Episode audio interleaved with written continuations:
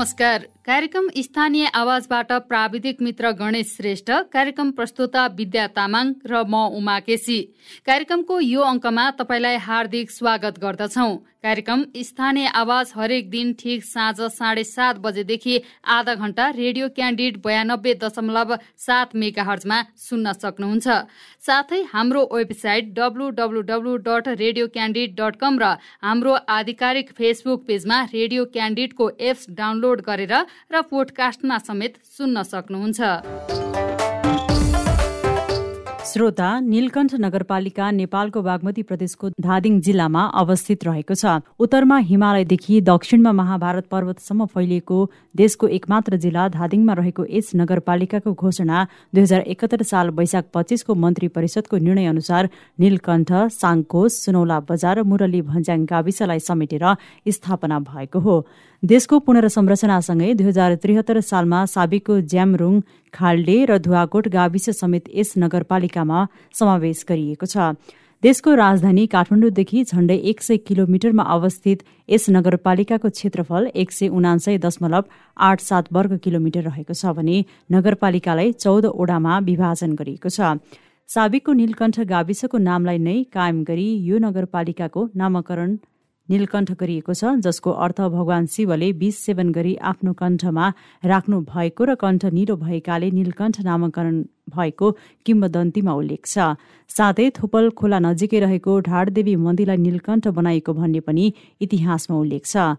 आज हामी यसै नगरपालिकाका नगर प्रमुख भीम प्रसाद ढुङ्गानासँग भावी योजनाका विषयमा केन्द्रित रहेर कुराकानी गर्दैछौ। कार्यक्रम स्थानीय आवाजमा तपाईँलाई स्वागत छ। धन्यवाद। मेयर साहब तपाईँले पहिलो निर्णय के गर्नुभएको थियो? प्रतिनिधि सुनिँदा। पहिला पनि हुनुहुँदो रहेछ। के के गर्नुभयो? तपाईँले अगाडि गरेका कामहरू बाँकी के थिए? केलाई प्राथमिकता दिएर अगाडि बढिरहनु भएको छ?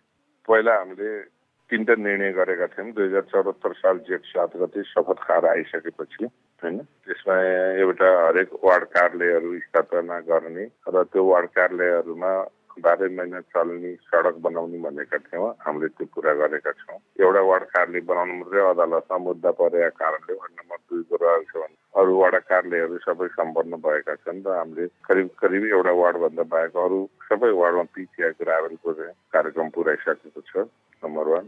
नम्बर टू सबै जनताहरूलाई खानेपानी खुवाउने भनेका छन्। हामीले पाँच वर्षको बिचमा अस्सी पर्सेन्टभन्दा बढी जनताहरूलाई खानेपानी खुवाम र अरू प्रोजेक्टहरू पाइप लाइनमा छन् र सम्भवतः यो वर्ष सबैलाई हामी पुरा गर्छौँ र अरू नयाँ प्रोजेक्टहरू पनि आइरहेको छन्। दोस्रो कुरो भयो तेस्रो कुरोमा एक वार्ड एक उत्पादनको नीति हामीले लिएका छौँ। त्यसमा हामीले सबैलाई त्यहाँको सोइल टेस्टहरू गरिकन अगाडि बढाएका छौँ र त्यो मात्रै नभएर हामीले बोलेर घोषणा पत्रमा भन्दा बाहेक गरेका धेरै कुराहरू छन् जस्तो हामीले पन्चानब्बे किलोमिटर रिङ रोडको चाहिँ हामीले साढे चार किलोमिटर पिच गऱ्यौँ भनेदेखि पन्चानब्बे किलोमिटर बस चल्न सक्ने रिङ रोडहरू स्थापना गरेका छौँ। कोरिडोर सुरुवात हामीले गरेका छौँ। त्यस्तै सामाजिक क्षेत्रमा हेर्नुहुन्छ भनेदेखि हामीले चाहिँ गएर महिलाहरूको निमित्त डेलिभरी हुँदा एम्बुलेन्सहरू फ्री गरेका छौँ। मान्छे मृत्यु भइसकेपछि दाह संस्कार खर्च भनेर दस हजार रुपियाँ दाम दिने हामीले निर्णय गरेका छौँ। त्यति मात्रै होइन अब यो पशुपालनहरू गर्ने मान्छेहरूलाई हामीले नाइन्टी पर्सेन्टसम्म चाहिँ इन्सुरेन्समा चाहिँ छुट दिएर हामीले इन्सुरेन्स गराएका छौँ।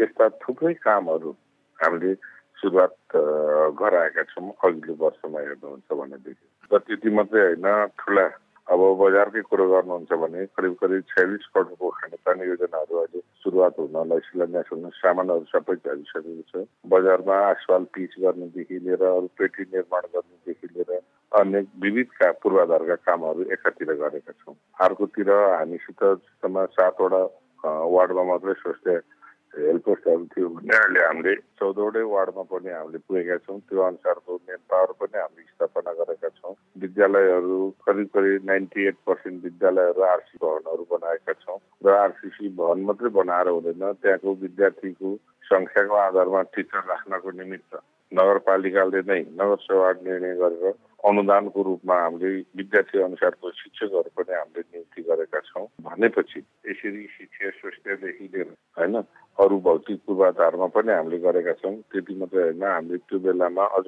कोभिडको कारणले चाहिँ हामीले धेरै कामहरू गर्न पाएको अवस्था छैन। तथापि पनि हामीले युसिआर र शिक्षाबाट भएको सम्बन्ध कायम गरेका छौँ। त्यसलाई हामीले अहिले चाहिँ कार्यान्वयनमा लान सकेका छैनौँ किनभने बिचमा दुई दुई वर्षसम्म कोभिड भइदिएको कारणले त्यसैले समग्र रूपमा हेर्ने हो भनेदेखि त्यति मात्रै होइन।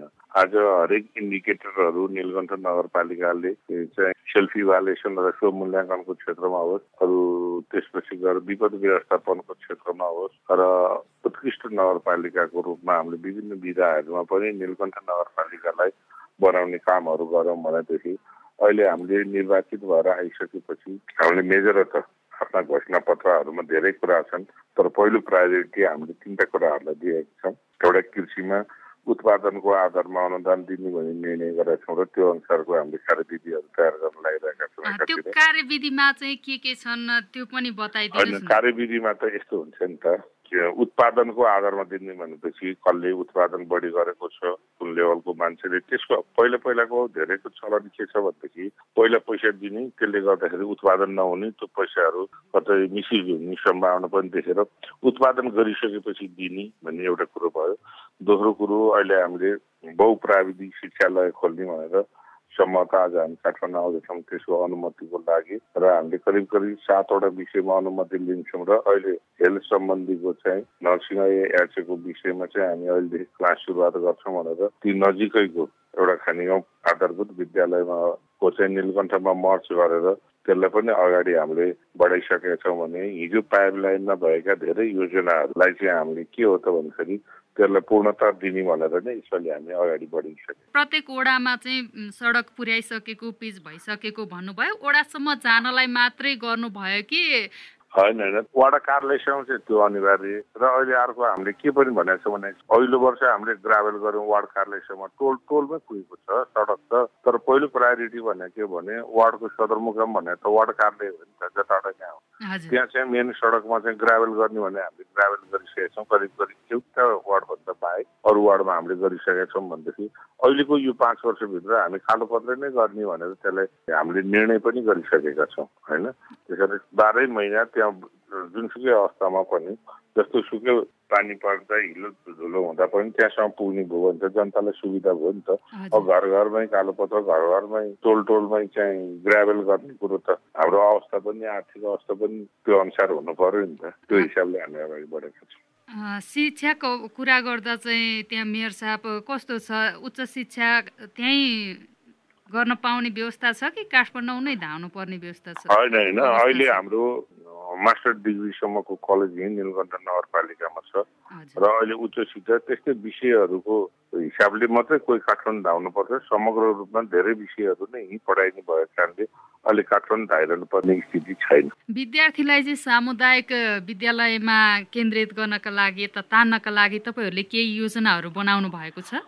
विद्यार्थीहरू प्राइभेट बोर्डिङहरूमा धेरै पढ्ने भएको कारणले गर्दाखेरि अब सामुदायिक विद्यालयहरूलाई चाहिँ आकर्षण बनाउनु पर्यो। त्यो अनुसार क्वालिटीको एजुकेसन दिन पर्यो भनेर त्यसै त मैले भनिसकेँ। हामीले भौतिक संरचनाहरू सबैको पुरा गरिसकेका छौँ। त्यसपछि गएर सङ्घले दरबन्दी दिनुपर्ने हो आफैले दरबन्दी क्रिएट गर्ने होइन। तथापि पनि हामीले अहिले अनुदानको रूपमा विद्यार्थीको सङ्ख्याको आधारमा चाहिँ हामीले टिचरहरू नगरपालिकाले नियुक्ति गरेर पनि हामीले जुन एउटा क्राइटेरिया छ यति विद्यार्थी बराबर यति चाहिँ शिक्षकहरू भन्ने छ भने त्यो अनुसारको हामीले म्यानेजमेन्ट गरेका छौँ व्यवस्थापन गरेका छौँ। कृषकका लागि त्यहाँ सिँचाइको व्यवस्था चाहिँ कस्तो छ मेयर साहब? होइन अहिले सिँचाइको लागि के हो त भने खोला नाराहरू सस्तै छन्। तथापि पनि अहिले सिँचाइ अब कुन किसिमको सिँचाइ हो?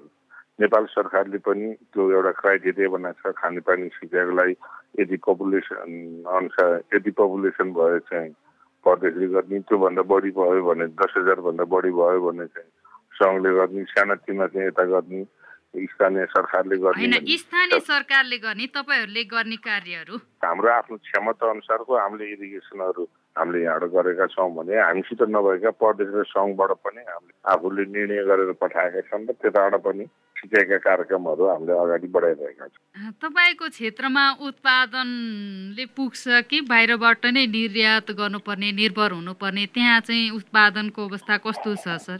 अब यस्तो छ सबै युवाहरू चाहिँ के छ भने विदेश पलायन भइरहेको अवस्था छ। त्यो विदेश पलायन भएका युवाहरूलाई गाउँमै लिएर आउनुपर्छ भनेर हामीले चाहिँ अहिले मेरो उद्यमशील कार्यक्रम पनि अगाडि बढाइरहेका छौँ जसले गर्दाखेरि महिनाको बिस तिस हजार रुपियाँ कमाउनको निम्ति चाहिँ अन्त कतै जान नपरोस् भन्ने सोचका साथ चाहिँ हामी अगाडि बढिरहेका छौँ।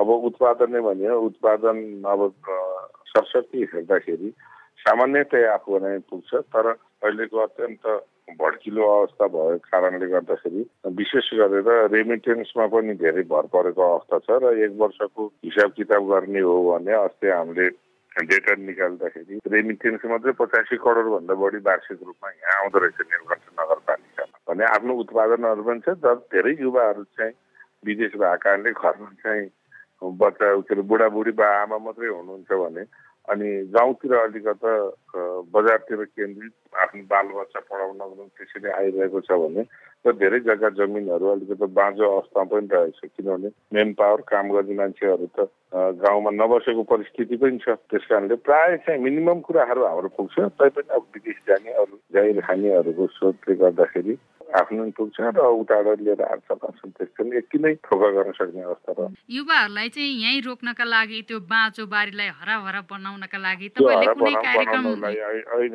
मैले मेरो उचित कार्यक्रम लगाएर हामीले ब्याङ्कसित यहाँ नियोग गरेका छौँ। त्यसलाई एकदम हन्ड्रेडको स्पिडमा यसरी लैजान जरुरी छ। सम्भवतः हामी त्यो प्रयास गरिरहेका छौँ। युवाहरू अब फर्केर आउनु पर्यो। त्यो त्यो आकर्षण गराउन हामीले खोजिरहेका छौँ। त्यहाँको आम्दानीका स्रोत चाहिँ के के हुन्? आम्दानीका स्रोत भनेको अब अहिले सामान्यतया यो तरकारीहरूको चाहिँ दैनिक गुजारा गर्नको निम्ति तरकारी खेतीहरूमा अलिकति आकर्षक कृषकहरू सदरमुकाम पनि नजिकबाट सदरमुकामको पनि यो भागबाट अरू खेतीपाती नै हो र केही विदेश गएर मैले भनिहालेँ रेमिटेन्स मात्रै पचासी करोड एक वर्षमा नीलकण्ठ नगरपालिकामा आउँदो रहेछ। विदेशबाट आउने रेमिटेन्स पनि भयो र अरू त दैनिकी काम कारवाही अब जागिरहरू इत्यादि कुराहरूमा नै पहिला कार्यकालमा चाहिँ बढी डोजरे विकास भएको भनेर चर्चा हुन्थ्यो। तपाईँकोमा चाहिँ के भयो? अहिले कस्तो छ? होइन डोजर विकास भने त अब कि राज्यले एउटा पोलिसी बनाउनु पर्यो? पोलिसी के हो त भन्दाखेरि जस्तो सुरुवात गरेको थियो दुई हजार पैँतालिस छयालिस सालतिर कि ग्रिन सडकहरू भन्ने बनाउन सुरु गराएको थियो। त्यो मेसिन लाउन नपाउने सबै मेन पावरले मात्रै गर्ने त्यसले रोजगारी र पनि हुन्छ दुई चार पैसा गाउँमा नि बस्छ भने त्यसरी अब हामी बाटो सम्पन्न गर्न सक्छौँ सक्दैनौँ। भने डोजर त बाध्य भएर लाउनु पऱ्यो जनताको घर दैलोमा छिटो सडक पुर्याउनु परेको छ होइन? अब त्यो सडक पुर्याउनु भएपछि मान्छेले नि खनेर एउटा बाटो पाँच किलोमिटर बाटो खन्नको लागि चाहिँ वर्ष दिन पाँच महिना छ महिना लाग्छ। आफ्नो जग्गा जमिन त बाँझो छन् भन्नेदेखि सरकारी रेट हेर्दाखेरि छ सय सात सय भन्दा दिनको हाजिरीमा पाउँदैन। अनि गाउँमा युवाहरू छैनन्। अनि डोजर नलाएर विकास निर्माण गर्न के गर्ने? आएर कसले खनिदिनु मान्छे हुनु पर्यो नि त गाउँमा। त्यो बाध्यता पनि पर्यो। त्यो बाध्यता पनि पर्यो र अहिले हामीले सबै ठाउँमा सडकहरू पुगिसकेका कारणले अहिले हामीले नयाँ सडक भन्दा पनि भएको सडकहरूको स्तर उन्नति गर्ने ग्राभल गर्ने पिच गर्ने कुरोलाई चाहिँ हामीले बढी प्रायोरिटी दिएका छौँ। यो ग्राभेल पिच गर्ने कुरा गर्दै गर्दा जस्तै असार मसान्त सकिन लाग्यो त्यसका लागि चाहिँ धेरै दौडधुप र सडकहरूमा चाहिँ ग्राभेलको चाहिँ रातारात भइरहेछ। तपाईँको नगरपालिकामा चाहिँ कस्तो छ? छैन हाम्रो त्यस्तो छैन। हाम्रो जिएसले पनि भ्याएको छ। अब बादको रूपमा अहिले भरभाडी लगेको बढाउने गर्ने कुराहरू त्यो कुरोलाई क्रमिक रूपमा चाहिँ न्यूनीकरण गरिरहेका छौँ। त्यहाँका पर्यटकीय क्षेत्रहरू चाहिँ के के छन्? अहिले पर्यटकीय क्षेत्रहरूको रूपमा हामीले केही भिटारहरू बनाएका छौँ केही ट्रेकिङ रुटहरू पनि हामीले तयार गरेका छौँ होइन? जस्तो भैरवी मन्दिर जलमुखी मन्दिर भयो पौवा दरबार रामकोट दरबार भए होइन? त्यसपछि चमेरे गुफादेखि लिएर गुप्तेश्वरीदेखि लिएर हामीले यसलाई चाहिँ अलिकति प्रयास गरेर अगाडि बढाइरहेका छौँ।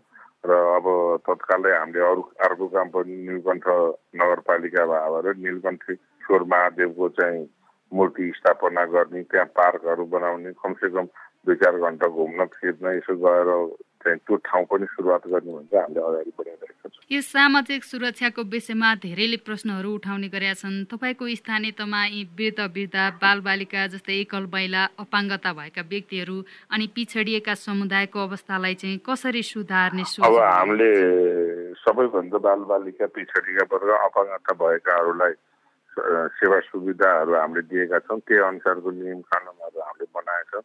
मिनिमम कुरा दिनुपर्ने कुराहरू ओरिएन्टेसनका कुराहरू अरू सर्भिसका कुराहरू भए हामीले गर्नुपर्ने कुराहरू सम्भवतः उहाँहरूसितै बसेर सरसल्लाह र तपाईँहरूको इच्छा आकाङ्क्षा र नगरपालिका स्रोत अनुसार लो भन्नुहोस् भनेर छलफल गराएर त्यही अनुसारको कार्यक्रमहरू हामीले अगाडि बढाएर सबैलाई सम्बोधन गर्ने कामहरू हामीले गरेका छौँ। पहिलो कार्यकाल भन्दा यसपटक चाहिँ फरक या प्रभावकारी कार्यक्रमहरू चाहिँ के के छन्? अहिले मैले भने नि अब प्रभावकारी भन्ने त्यही हो हेर्नुहोस् हामीले हेर्ने भने सडक खानेपानी शिक्षा स्वास्थ्य अब यही त हो नि हामीले गर्ने भनेको त्यस्तो फरक त केही छैन। अहिले हामीले पर्यटकीय दृष्टिकोणले अलिकति त्यसलाई चाहिँ अगाडि सोच बनाएका छौँ।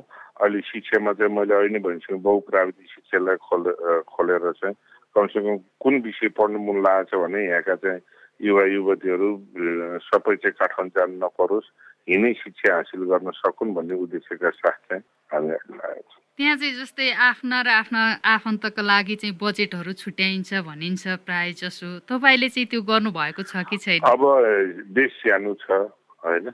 अब सबै नगरपालिका नाता गोता त भइहाल्छ। अब बाटो खन्दा पनि आफ्ना पर्न सक्छ पानी ल्याउँदा पनि आफ्ना पर्न सक्छ। को नजिक को टाढा हो र। कि यस्तो नीति हुनु पर्यो नाता गोता पराइजतले चाहिँ जो नगर प्रमुख छ उसको चाहिँ केही पनि उनीहरूले चाहिँ त्यो विकास निर्माणको स्वरै चाहन नपाउने भन्ने कि त्यो नीति हुनु पर्यो त्यो नीति त छैन। तर व्यक्तिगत रूपमा तपाईँले भन्न आँटेका कुराहरू व्यक्तिगत रूपमा चाहिँ त्यस्तो हामीले कुनै कहीँ निर्णय गरेका छैन हजुर। केन्द्र र प्रदेश सरकारसँग चाहिँ तपाईँको सम्बन्ध विस्तार कसरी अगाडि लगिरहनु भएको छ? होइन आफ्नो टिओआर क्लियर छ। टिओआर क्लियर भएपछि त्यही टिओआर अनुसार हामी प्रदेशले के गर्ने सङ्घले के गर्ने भन्ने किसिमको क्लियर छ र स्थानीय सरकारले के गर्ने भन्ने कुराहरू त्यसैको अनुपातमा हामी समन्वय राम्रो गरेर गएका छौँ। स्रोतहरूको परिचालन र व्यवस्थापन चाहिँ कसरी गर्दै हुनुहुन्छ तपाईँ? अनि स्रोतहरूको परिचालन भनेको ऐन नियम कानुनमा जे छ हामीले निर्देशिका जस्तो बनाउँछ त्यसैलाई आधार मानेर हामी अगाडि बढ्छौँ परिचालन छुट्याएका केही कुराहरू छन् भने अन्तिममा भनिदिन सक्नुहुन्छ? होइन त्यस्तो केही कुराहरू छैनन्। अब काम गर्दैछौँ। अब सिक्ने सिकाउने कुराहरू हुन्। अब गर्दै जाँदा केही कमी कमजोरी नै हुनसक्छ केही छुट्या पनि हुनसक्छ अब गर्दै जाँदा जे परिस्थिति आउँछ त्यही अनुसारमा हामी अगाडि बढ्दै जाने कुराहरू दोस्रो कार्य कार्यकाल पनि भयो। तपाईँलाई यो चाहिँ गरिदिनु भयो हुन्थ्यो यो चाहिँ छिटो पुरा गरिदिनु हुन् गरिदिए हुन्थ्यो भन्ने जनताका केही अपेक्षाहरू छैनन्? होइन होइन अपेक्षाहरू भने त यो मिनिमम कुराहरू त हो नि। अरू त के कुराहरू हुने शिक्षामा चाहिँ अलिकति क्वालिटीको होस् अब हेल्थमा अलिकति सेवा सुविधाहरू छिटो छिटो होस् होइन? पाउने दैनिक सर्भिस डेलिभरीका कुराहरू छिटो छिटो होस् भन्ने उनीहरूको आशय हुन्छ। त्यो कमी कमजोरीहरूलाई अझ अहिले चाहिँ जनतालाई कसरी दैनिक सेवा सुविधा दिन सकिन्छ भनेर हामी लाग्ने हो। अब हन्ड्रेड पर्सेन्ट सित बुझाउनु त के सकिन्छ? सकेसम्म सेवा दिनलाई हामीले प्रयास गर्छौँ। समयका लागि यहाँलाई धेरै धेरै धन्यवाद। हस् हस् यहाँलाई धन्यवाद। आजको कार्यक्रम स्थानीय आवाजमा हामीले धादिङको नीलकण्ठ नगरपालिकाका नगर प्रमुख भीमप्रसाद ढुङ्गानासँग आगामी योजनाका विषयमा केन्द्रित रहेर कुराकानी गर्यौं। कार्यक्रम सुनेपछि तपाईँलाई कुनै सुझाव वा प्रतिक्रिया दिन मन लागेको छ अथवा कुनै स्थानीय तहका जनप्रतिनिधिसँग कुराकानी गरिदिए हुन्थ्यो भन्ने चाहनुहुन्छ भने हामीलाई रेडियो क्यान्डिडको फेसबुक पेजमा म्यासेज गर्न सक्नुहुन्छ। अथवा कार्यक्रमको इमेल ठेगाना radio candid ninety two point seven eight the rate Gmail dot कममा मेल गर्न सक्नुहुन्छ। उपयुक्त सुझावलाई हामी पक्कै पनि ग्रहण गर्नेछौ। कार्यक्रम सुनिदिनु भएकोमा तपाईँलाई धेरै धेरै धन्यवाद। हवस् त अर्को अङ्कमा फेरि भेटौँला। कार्यक्रमबाट गणेश श्रेष्ठ विद्या तामाङ र म उमा केसी बिदा भयौँ। नमस्कार।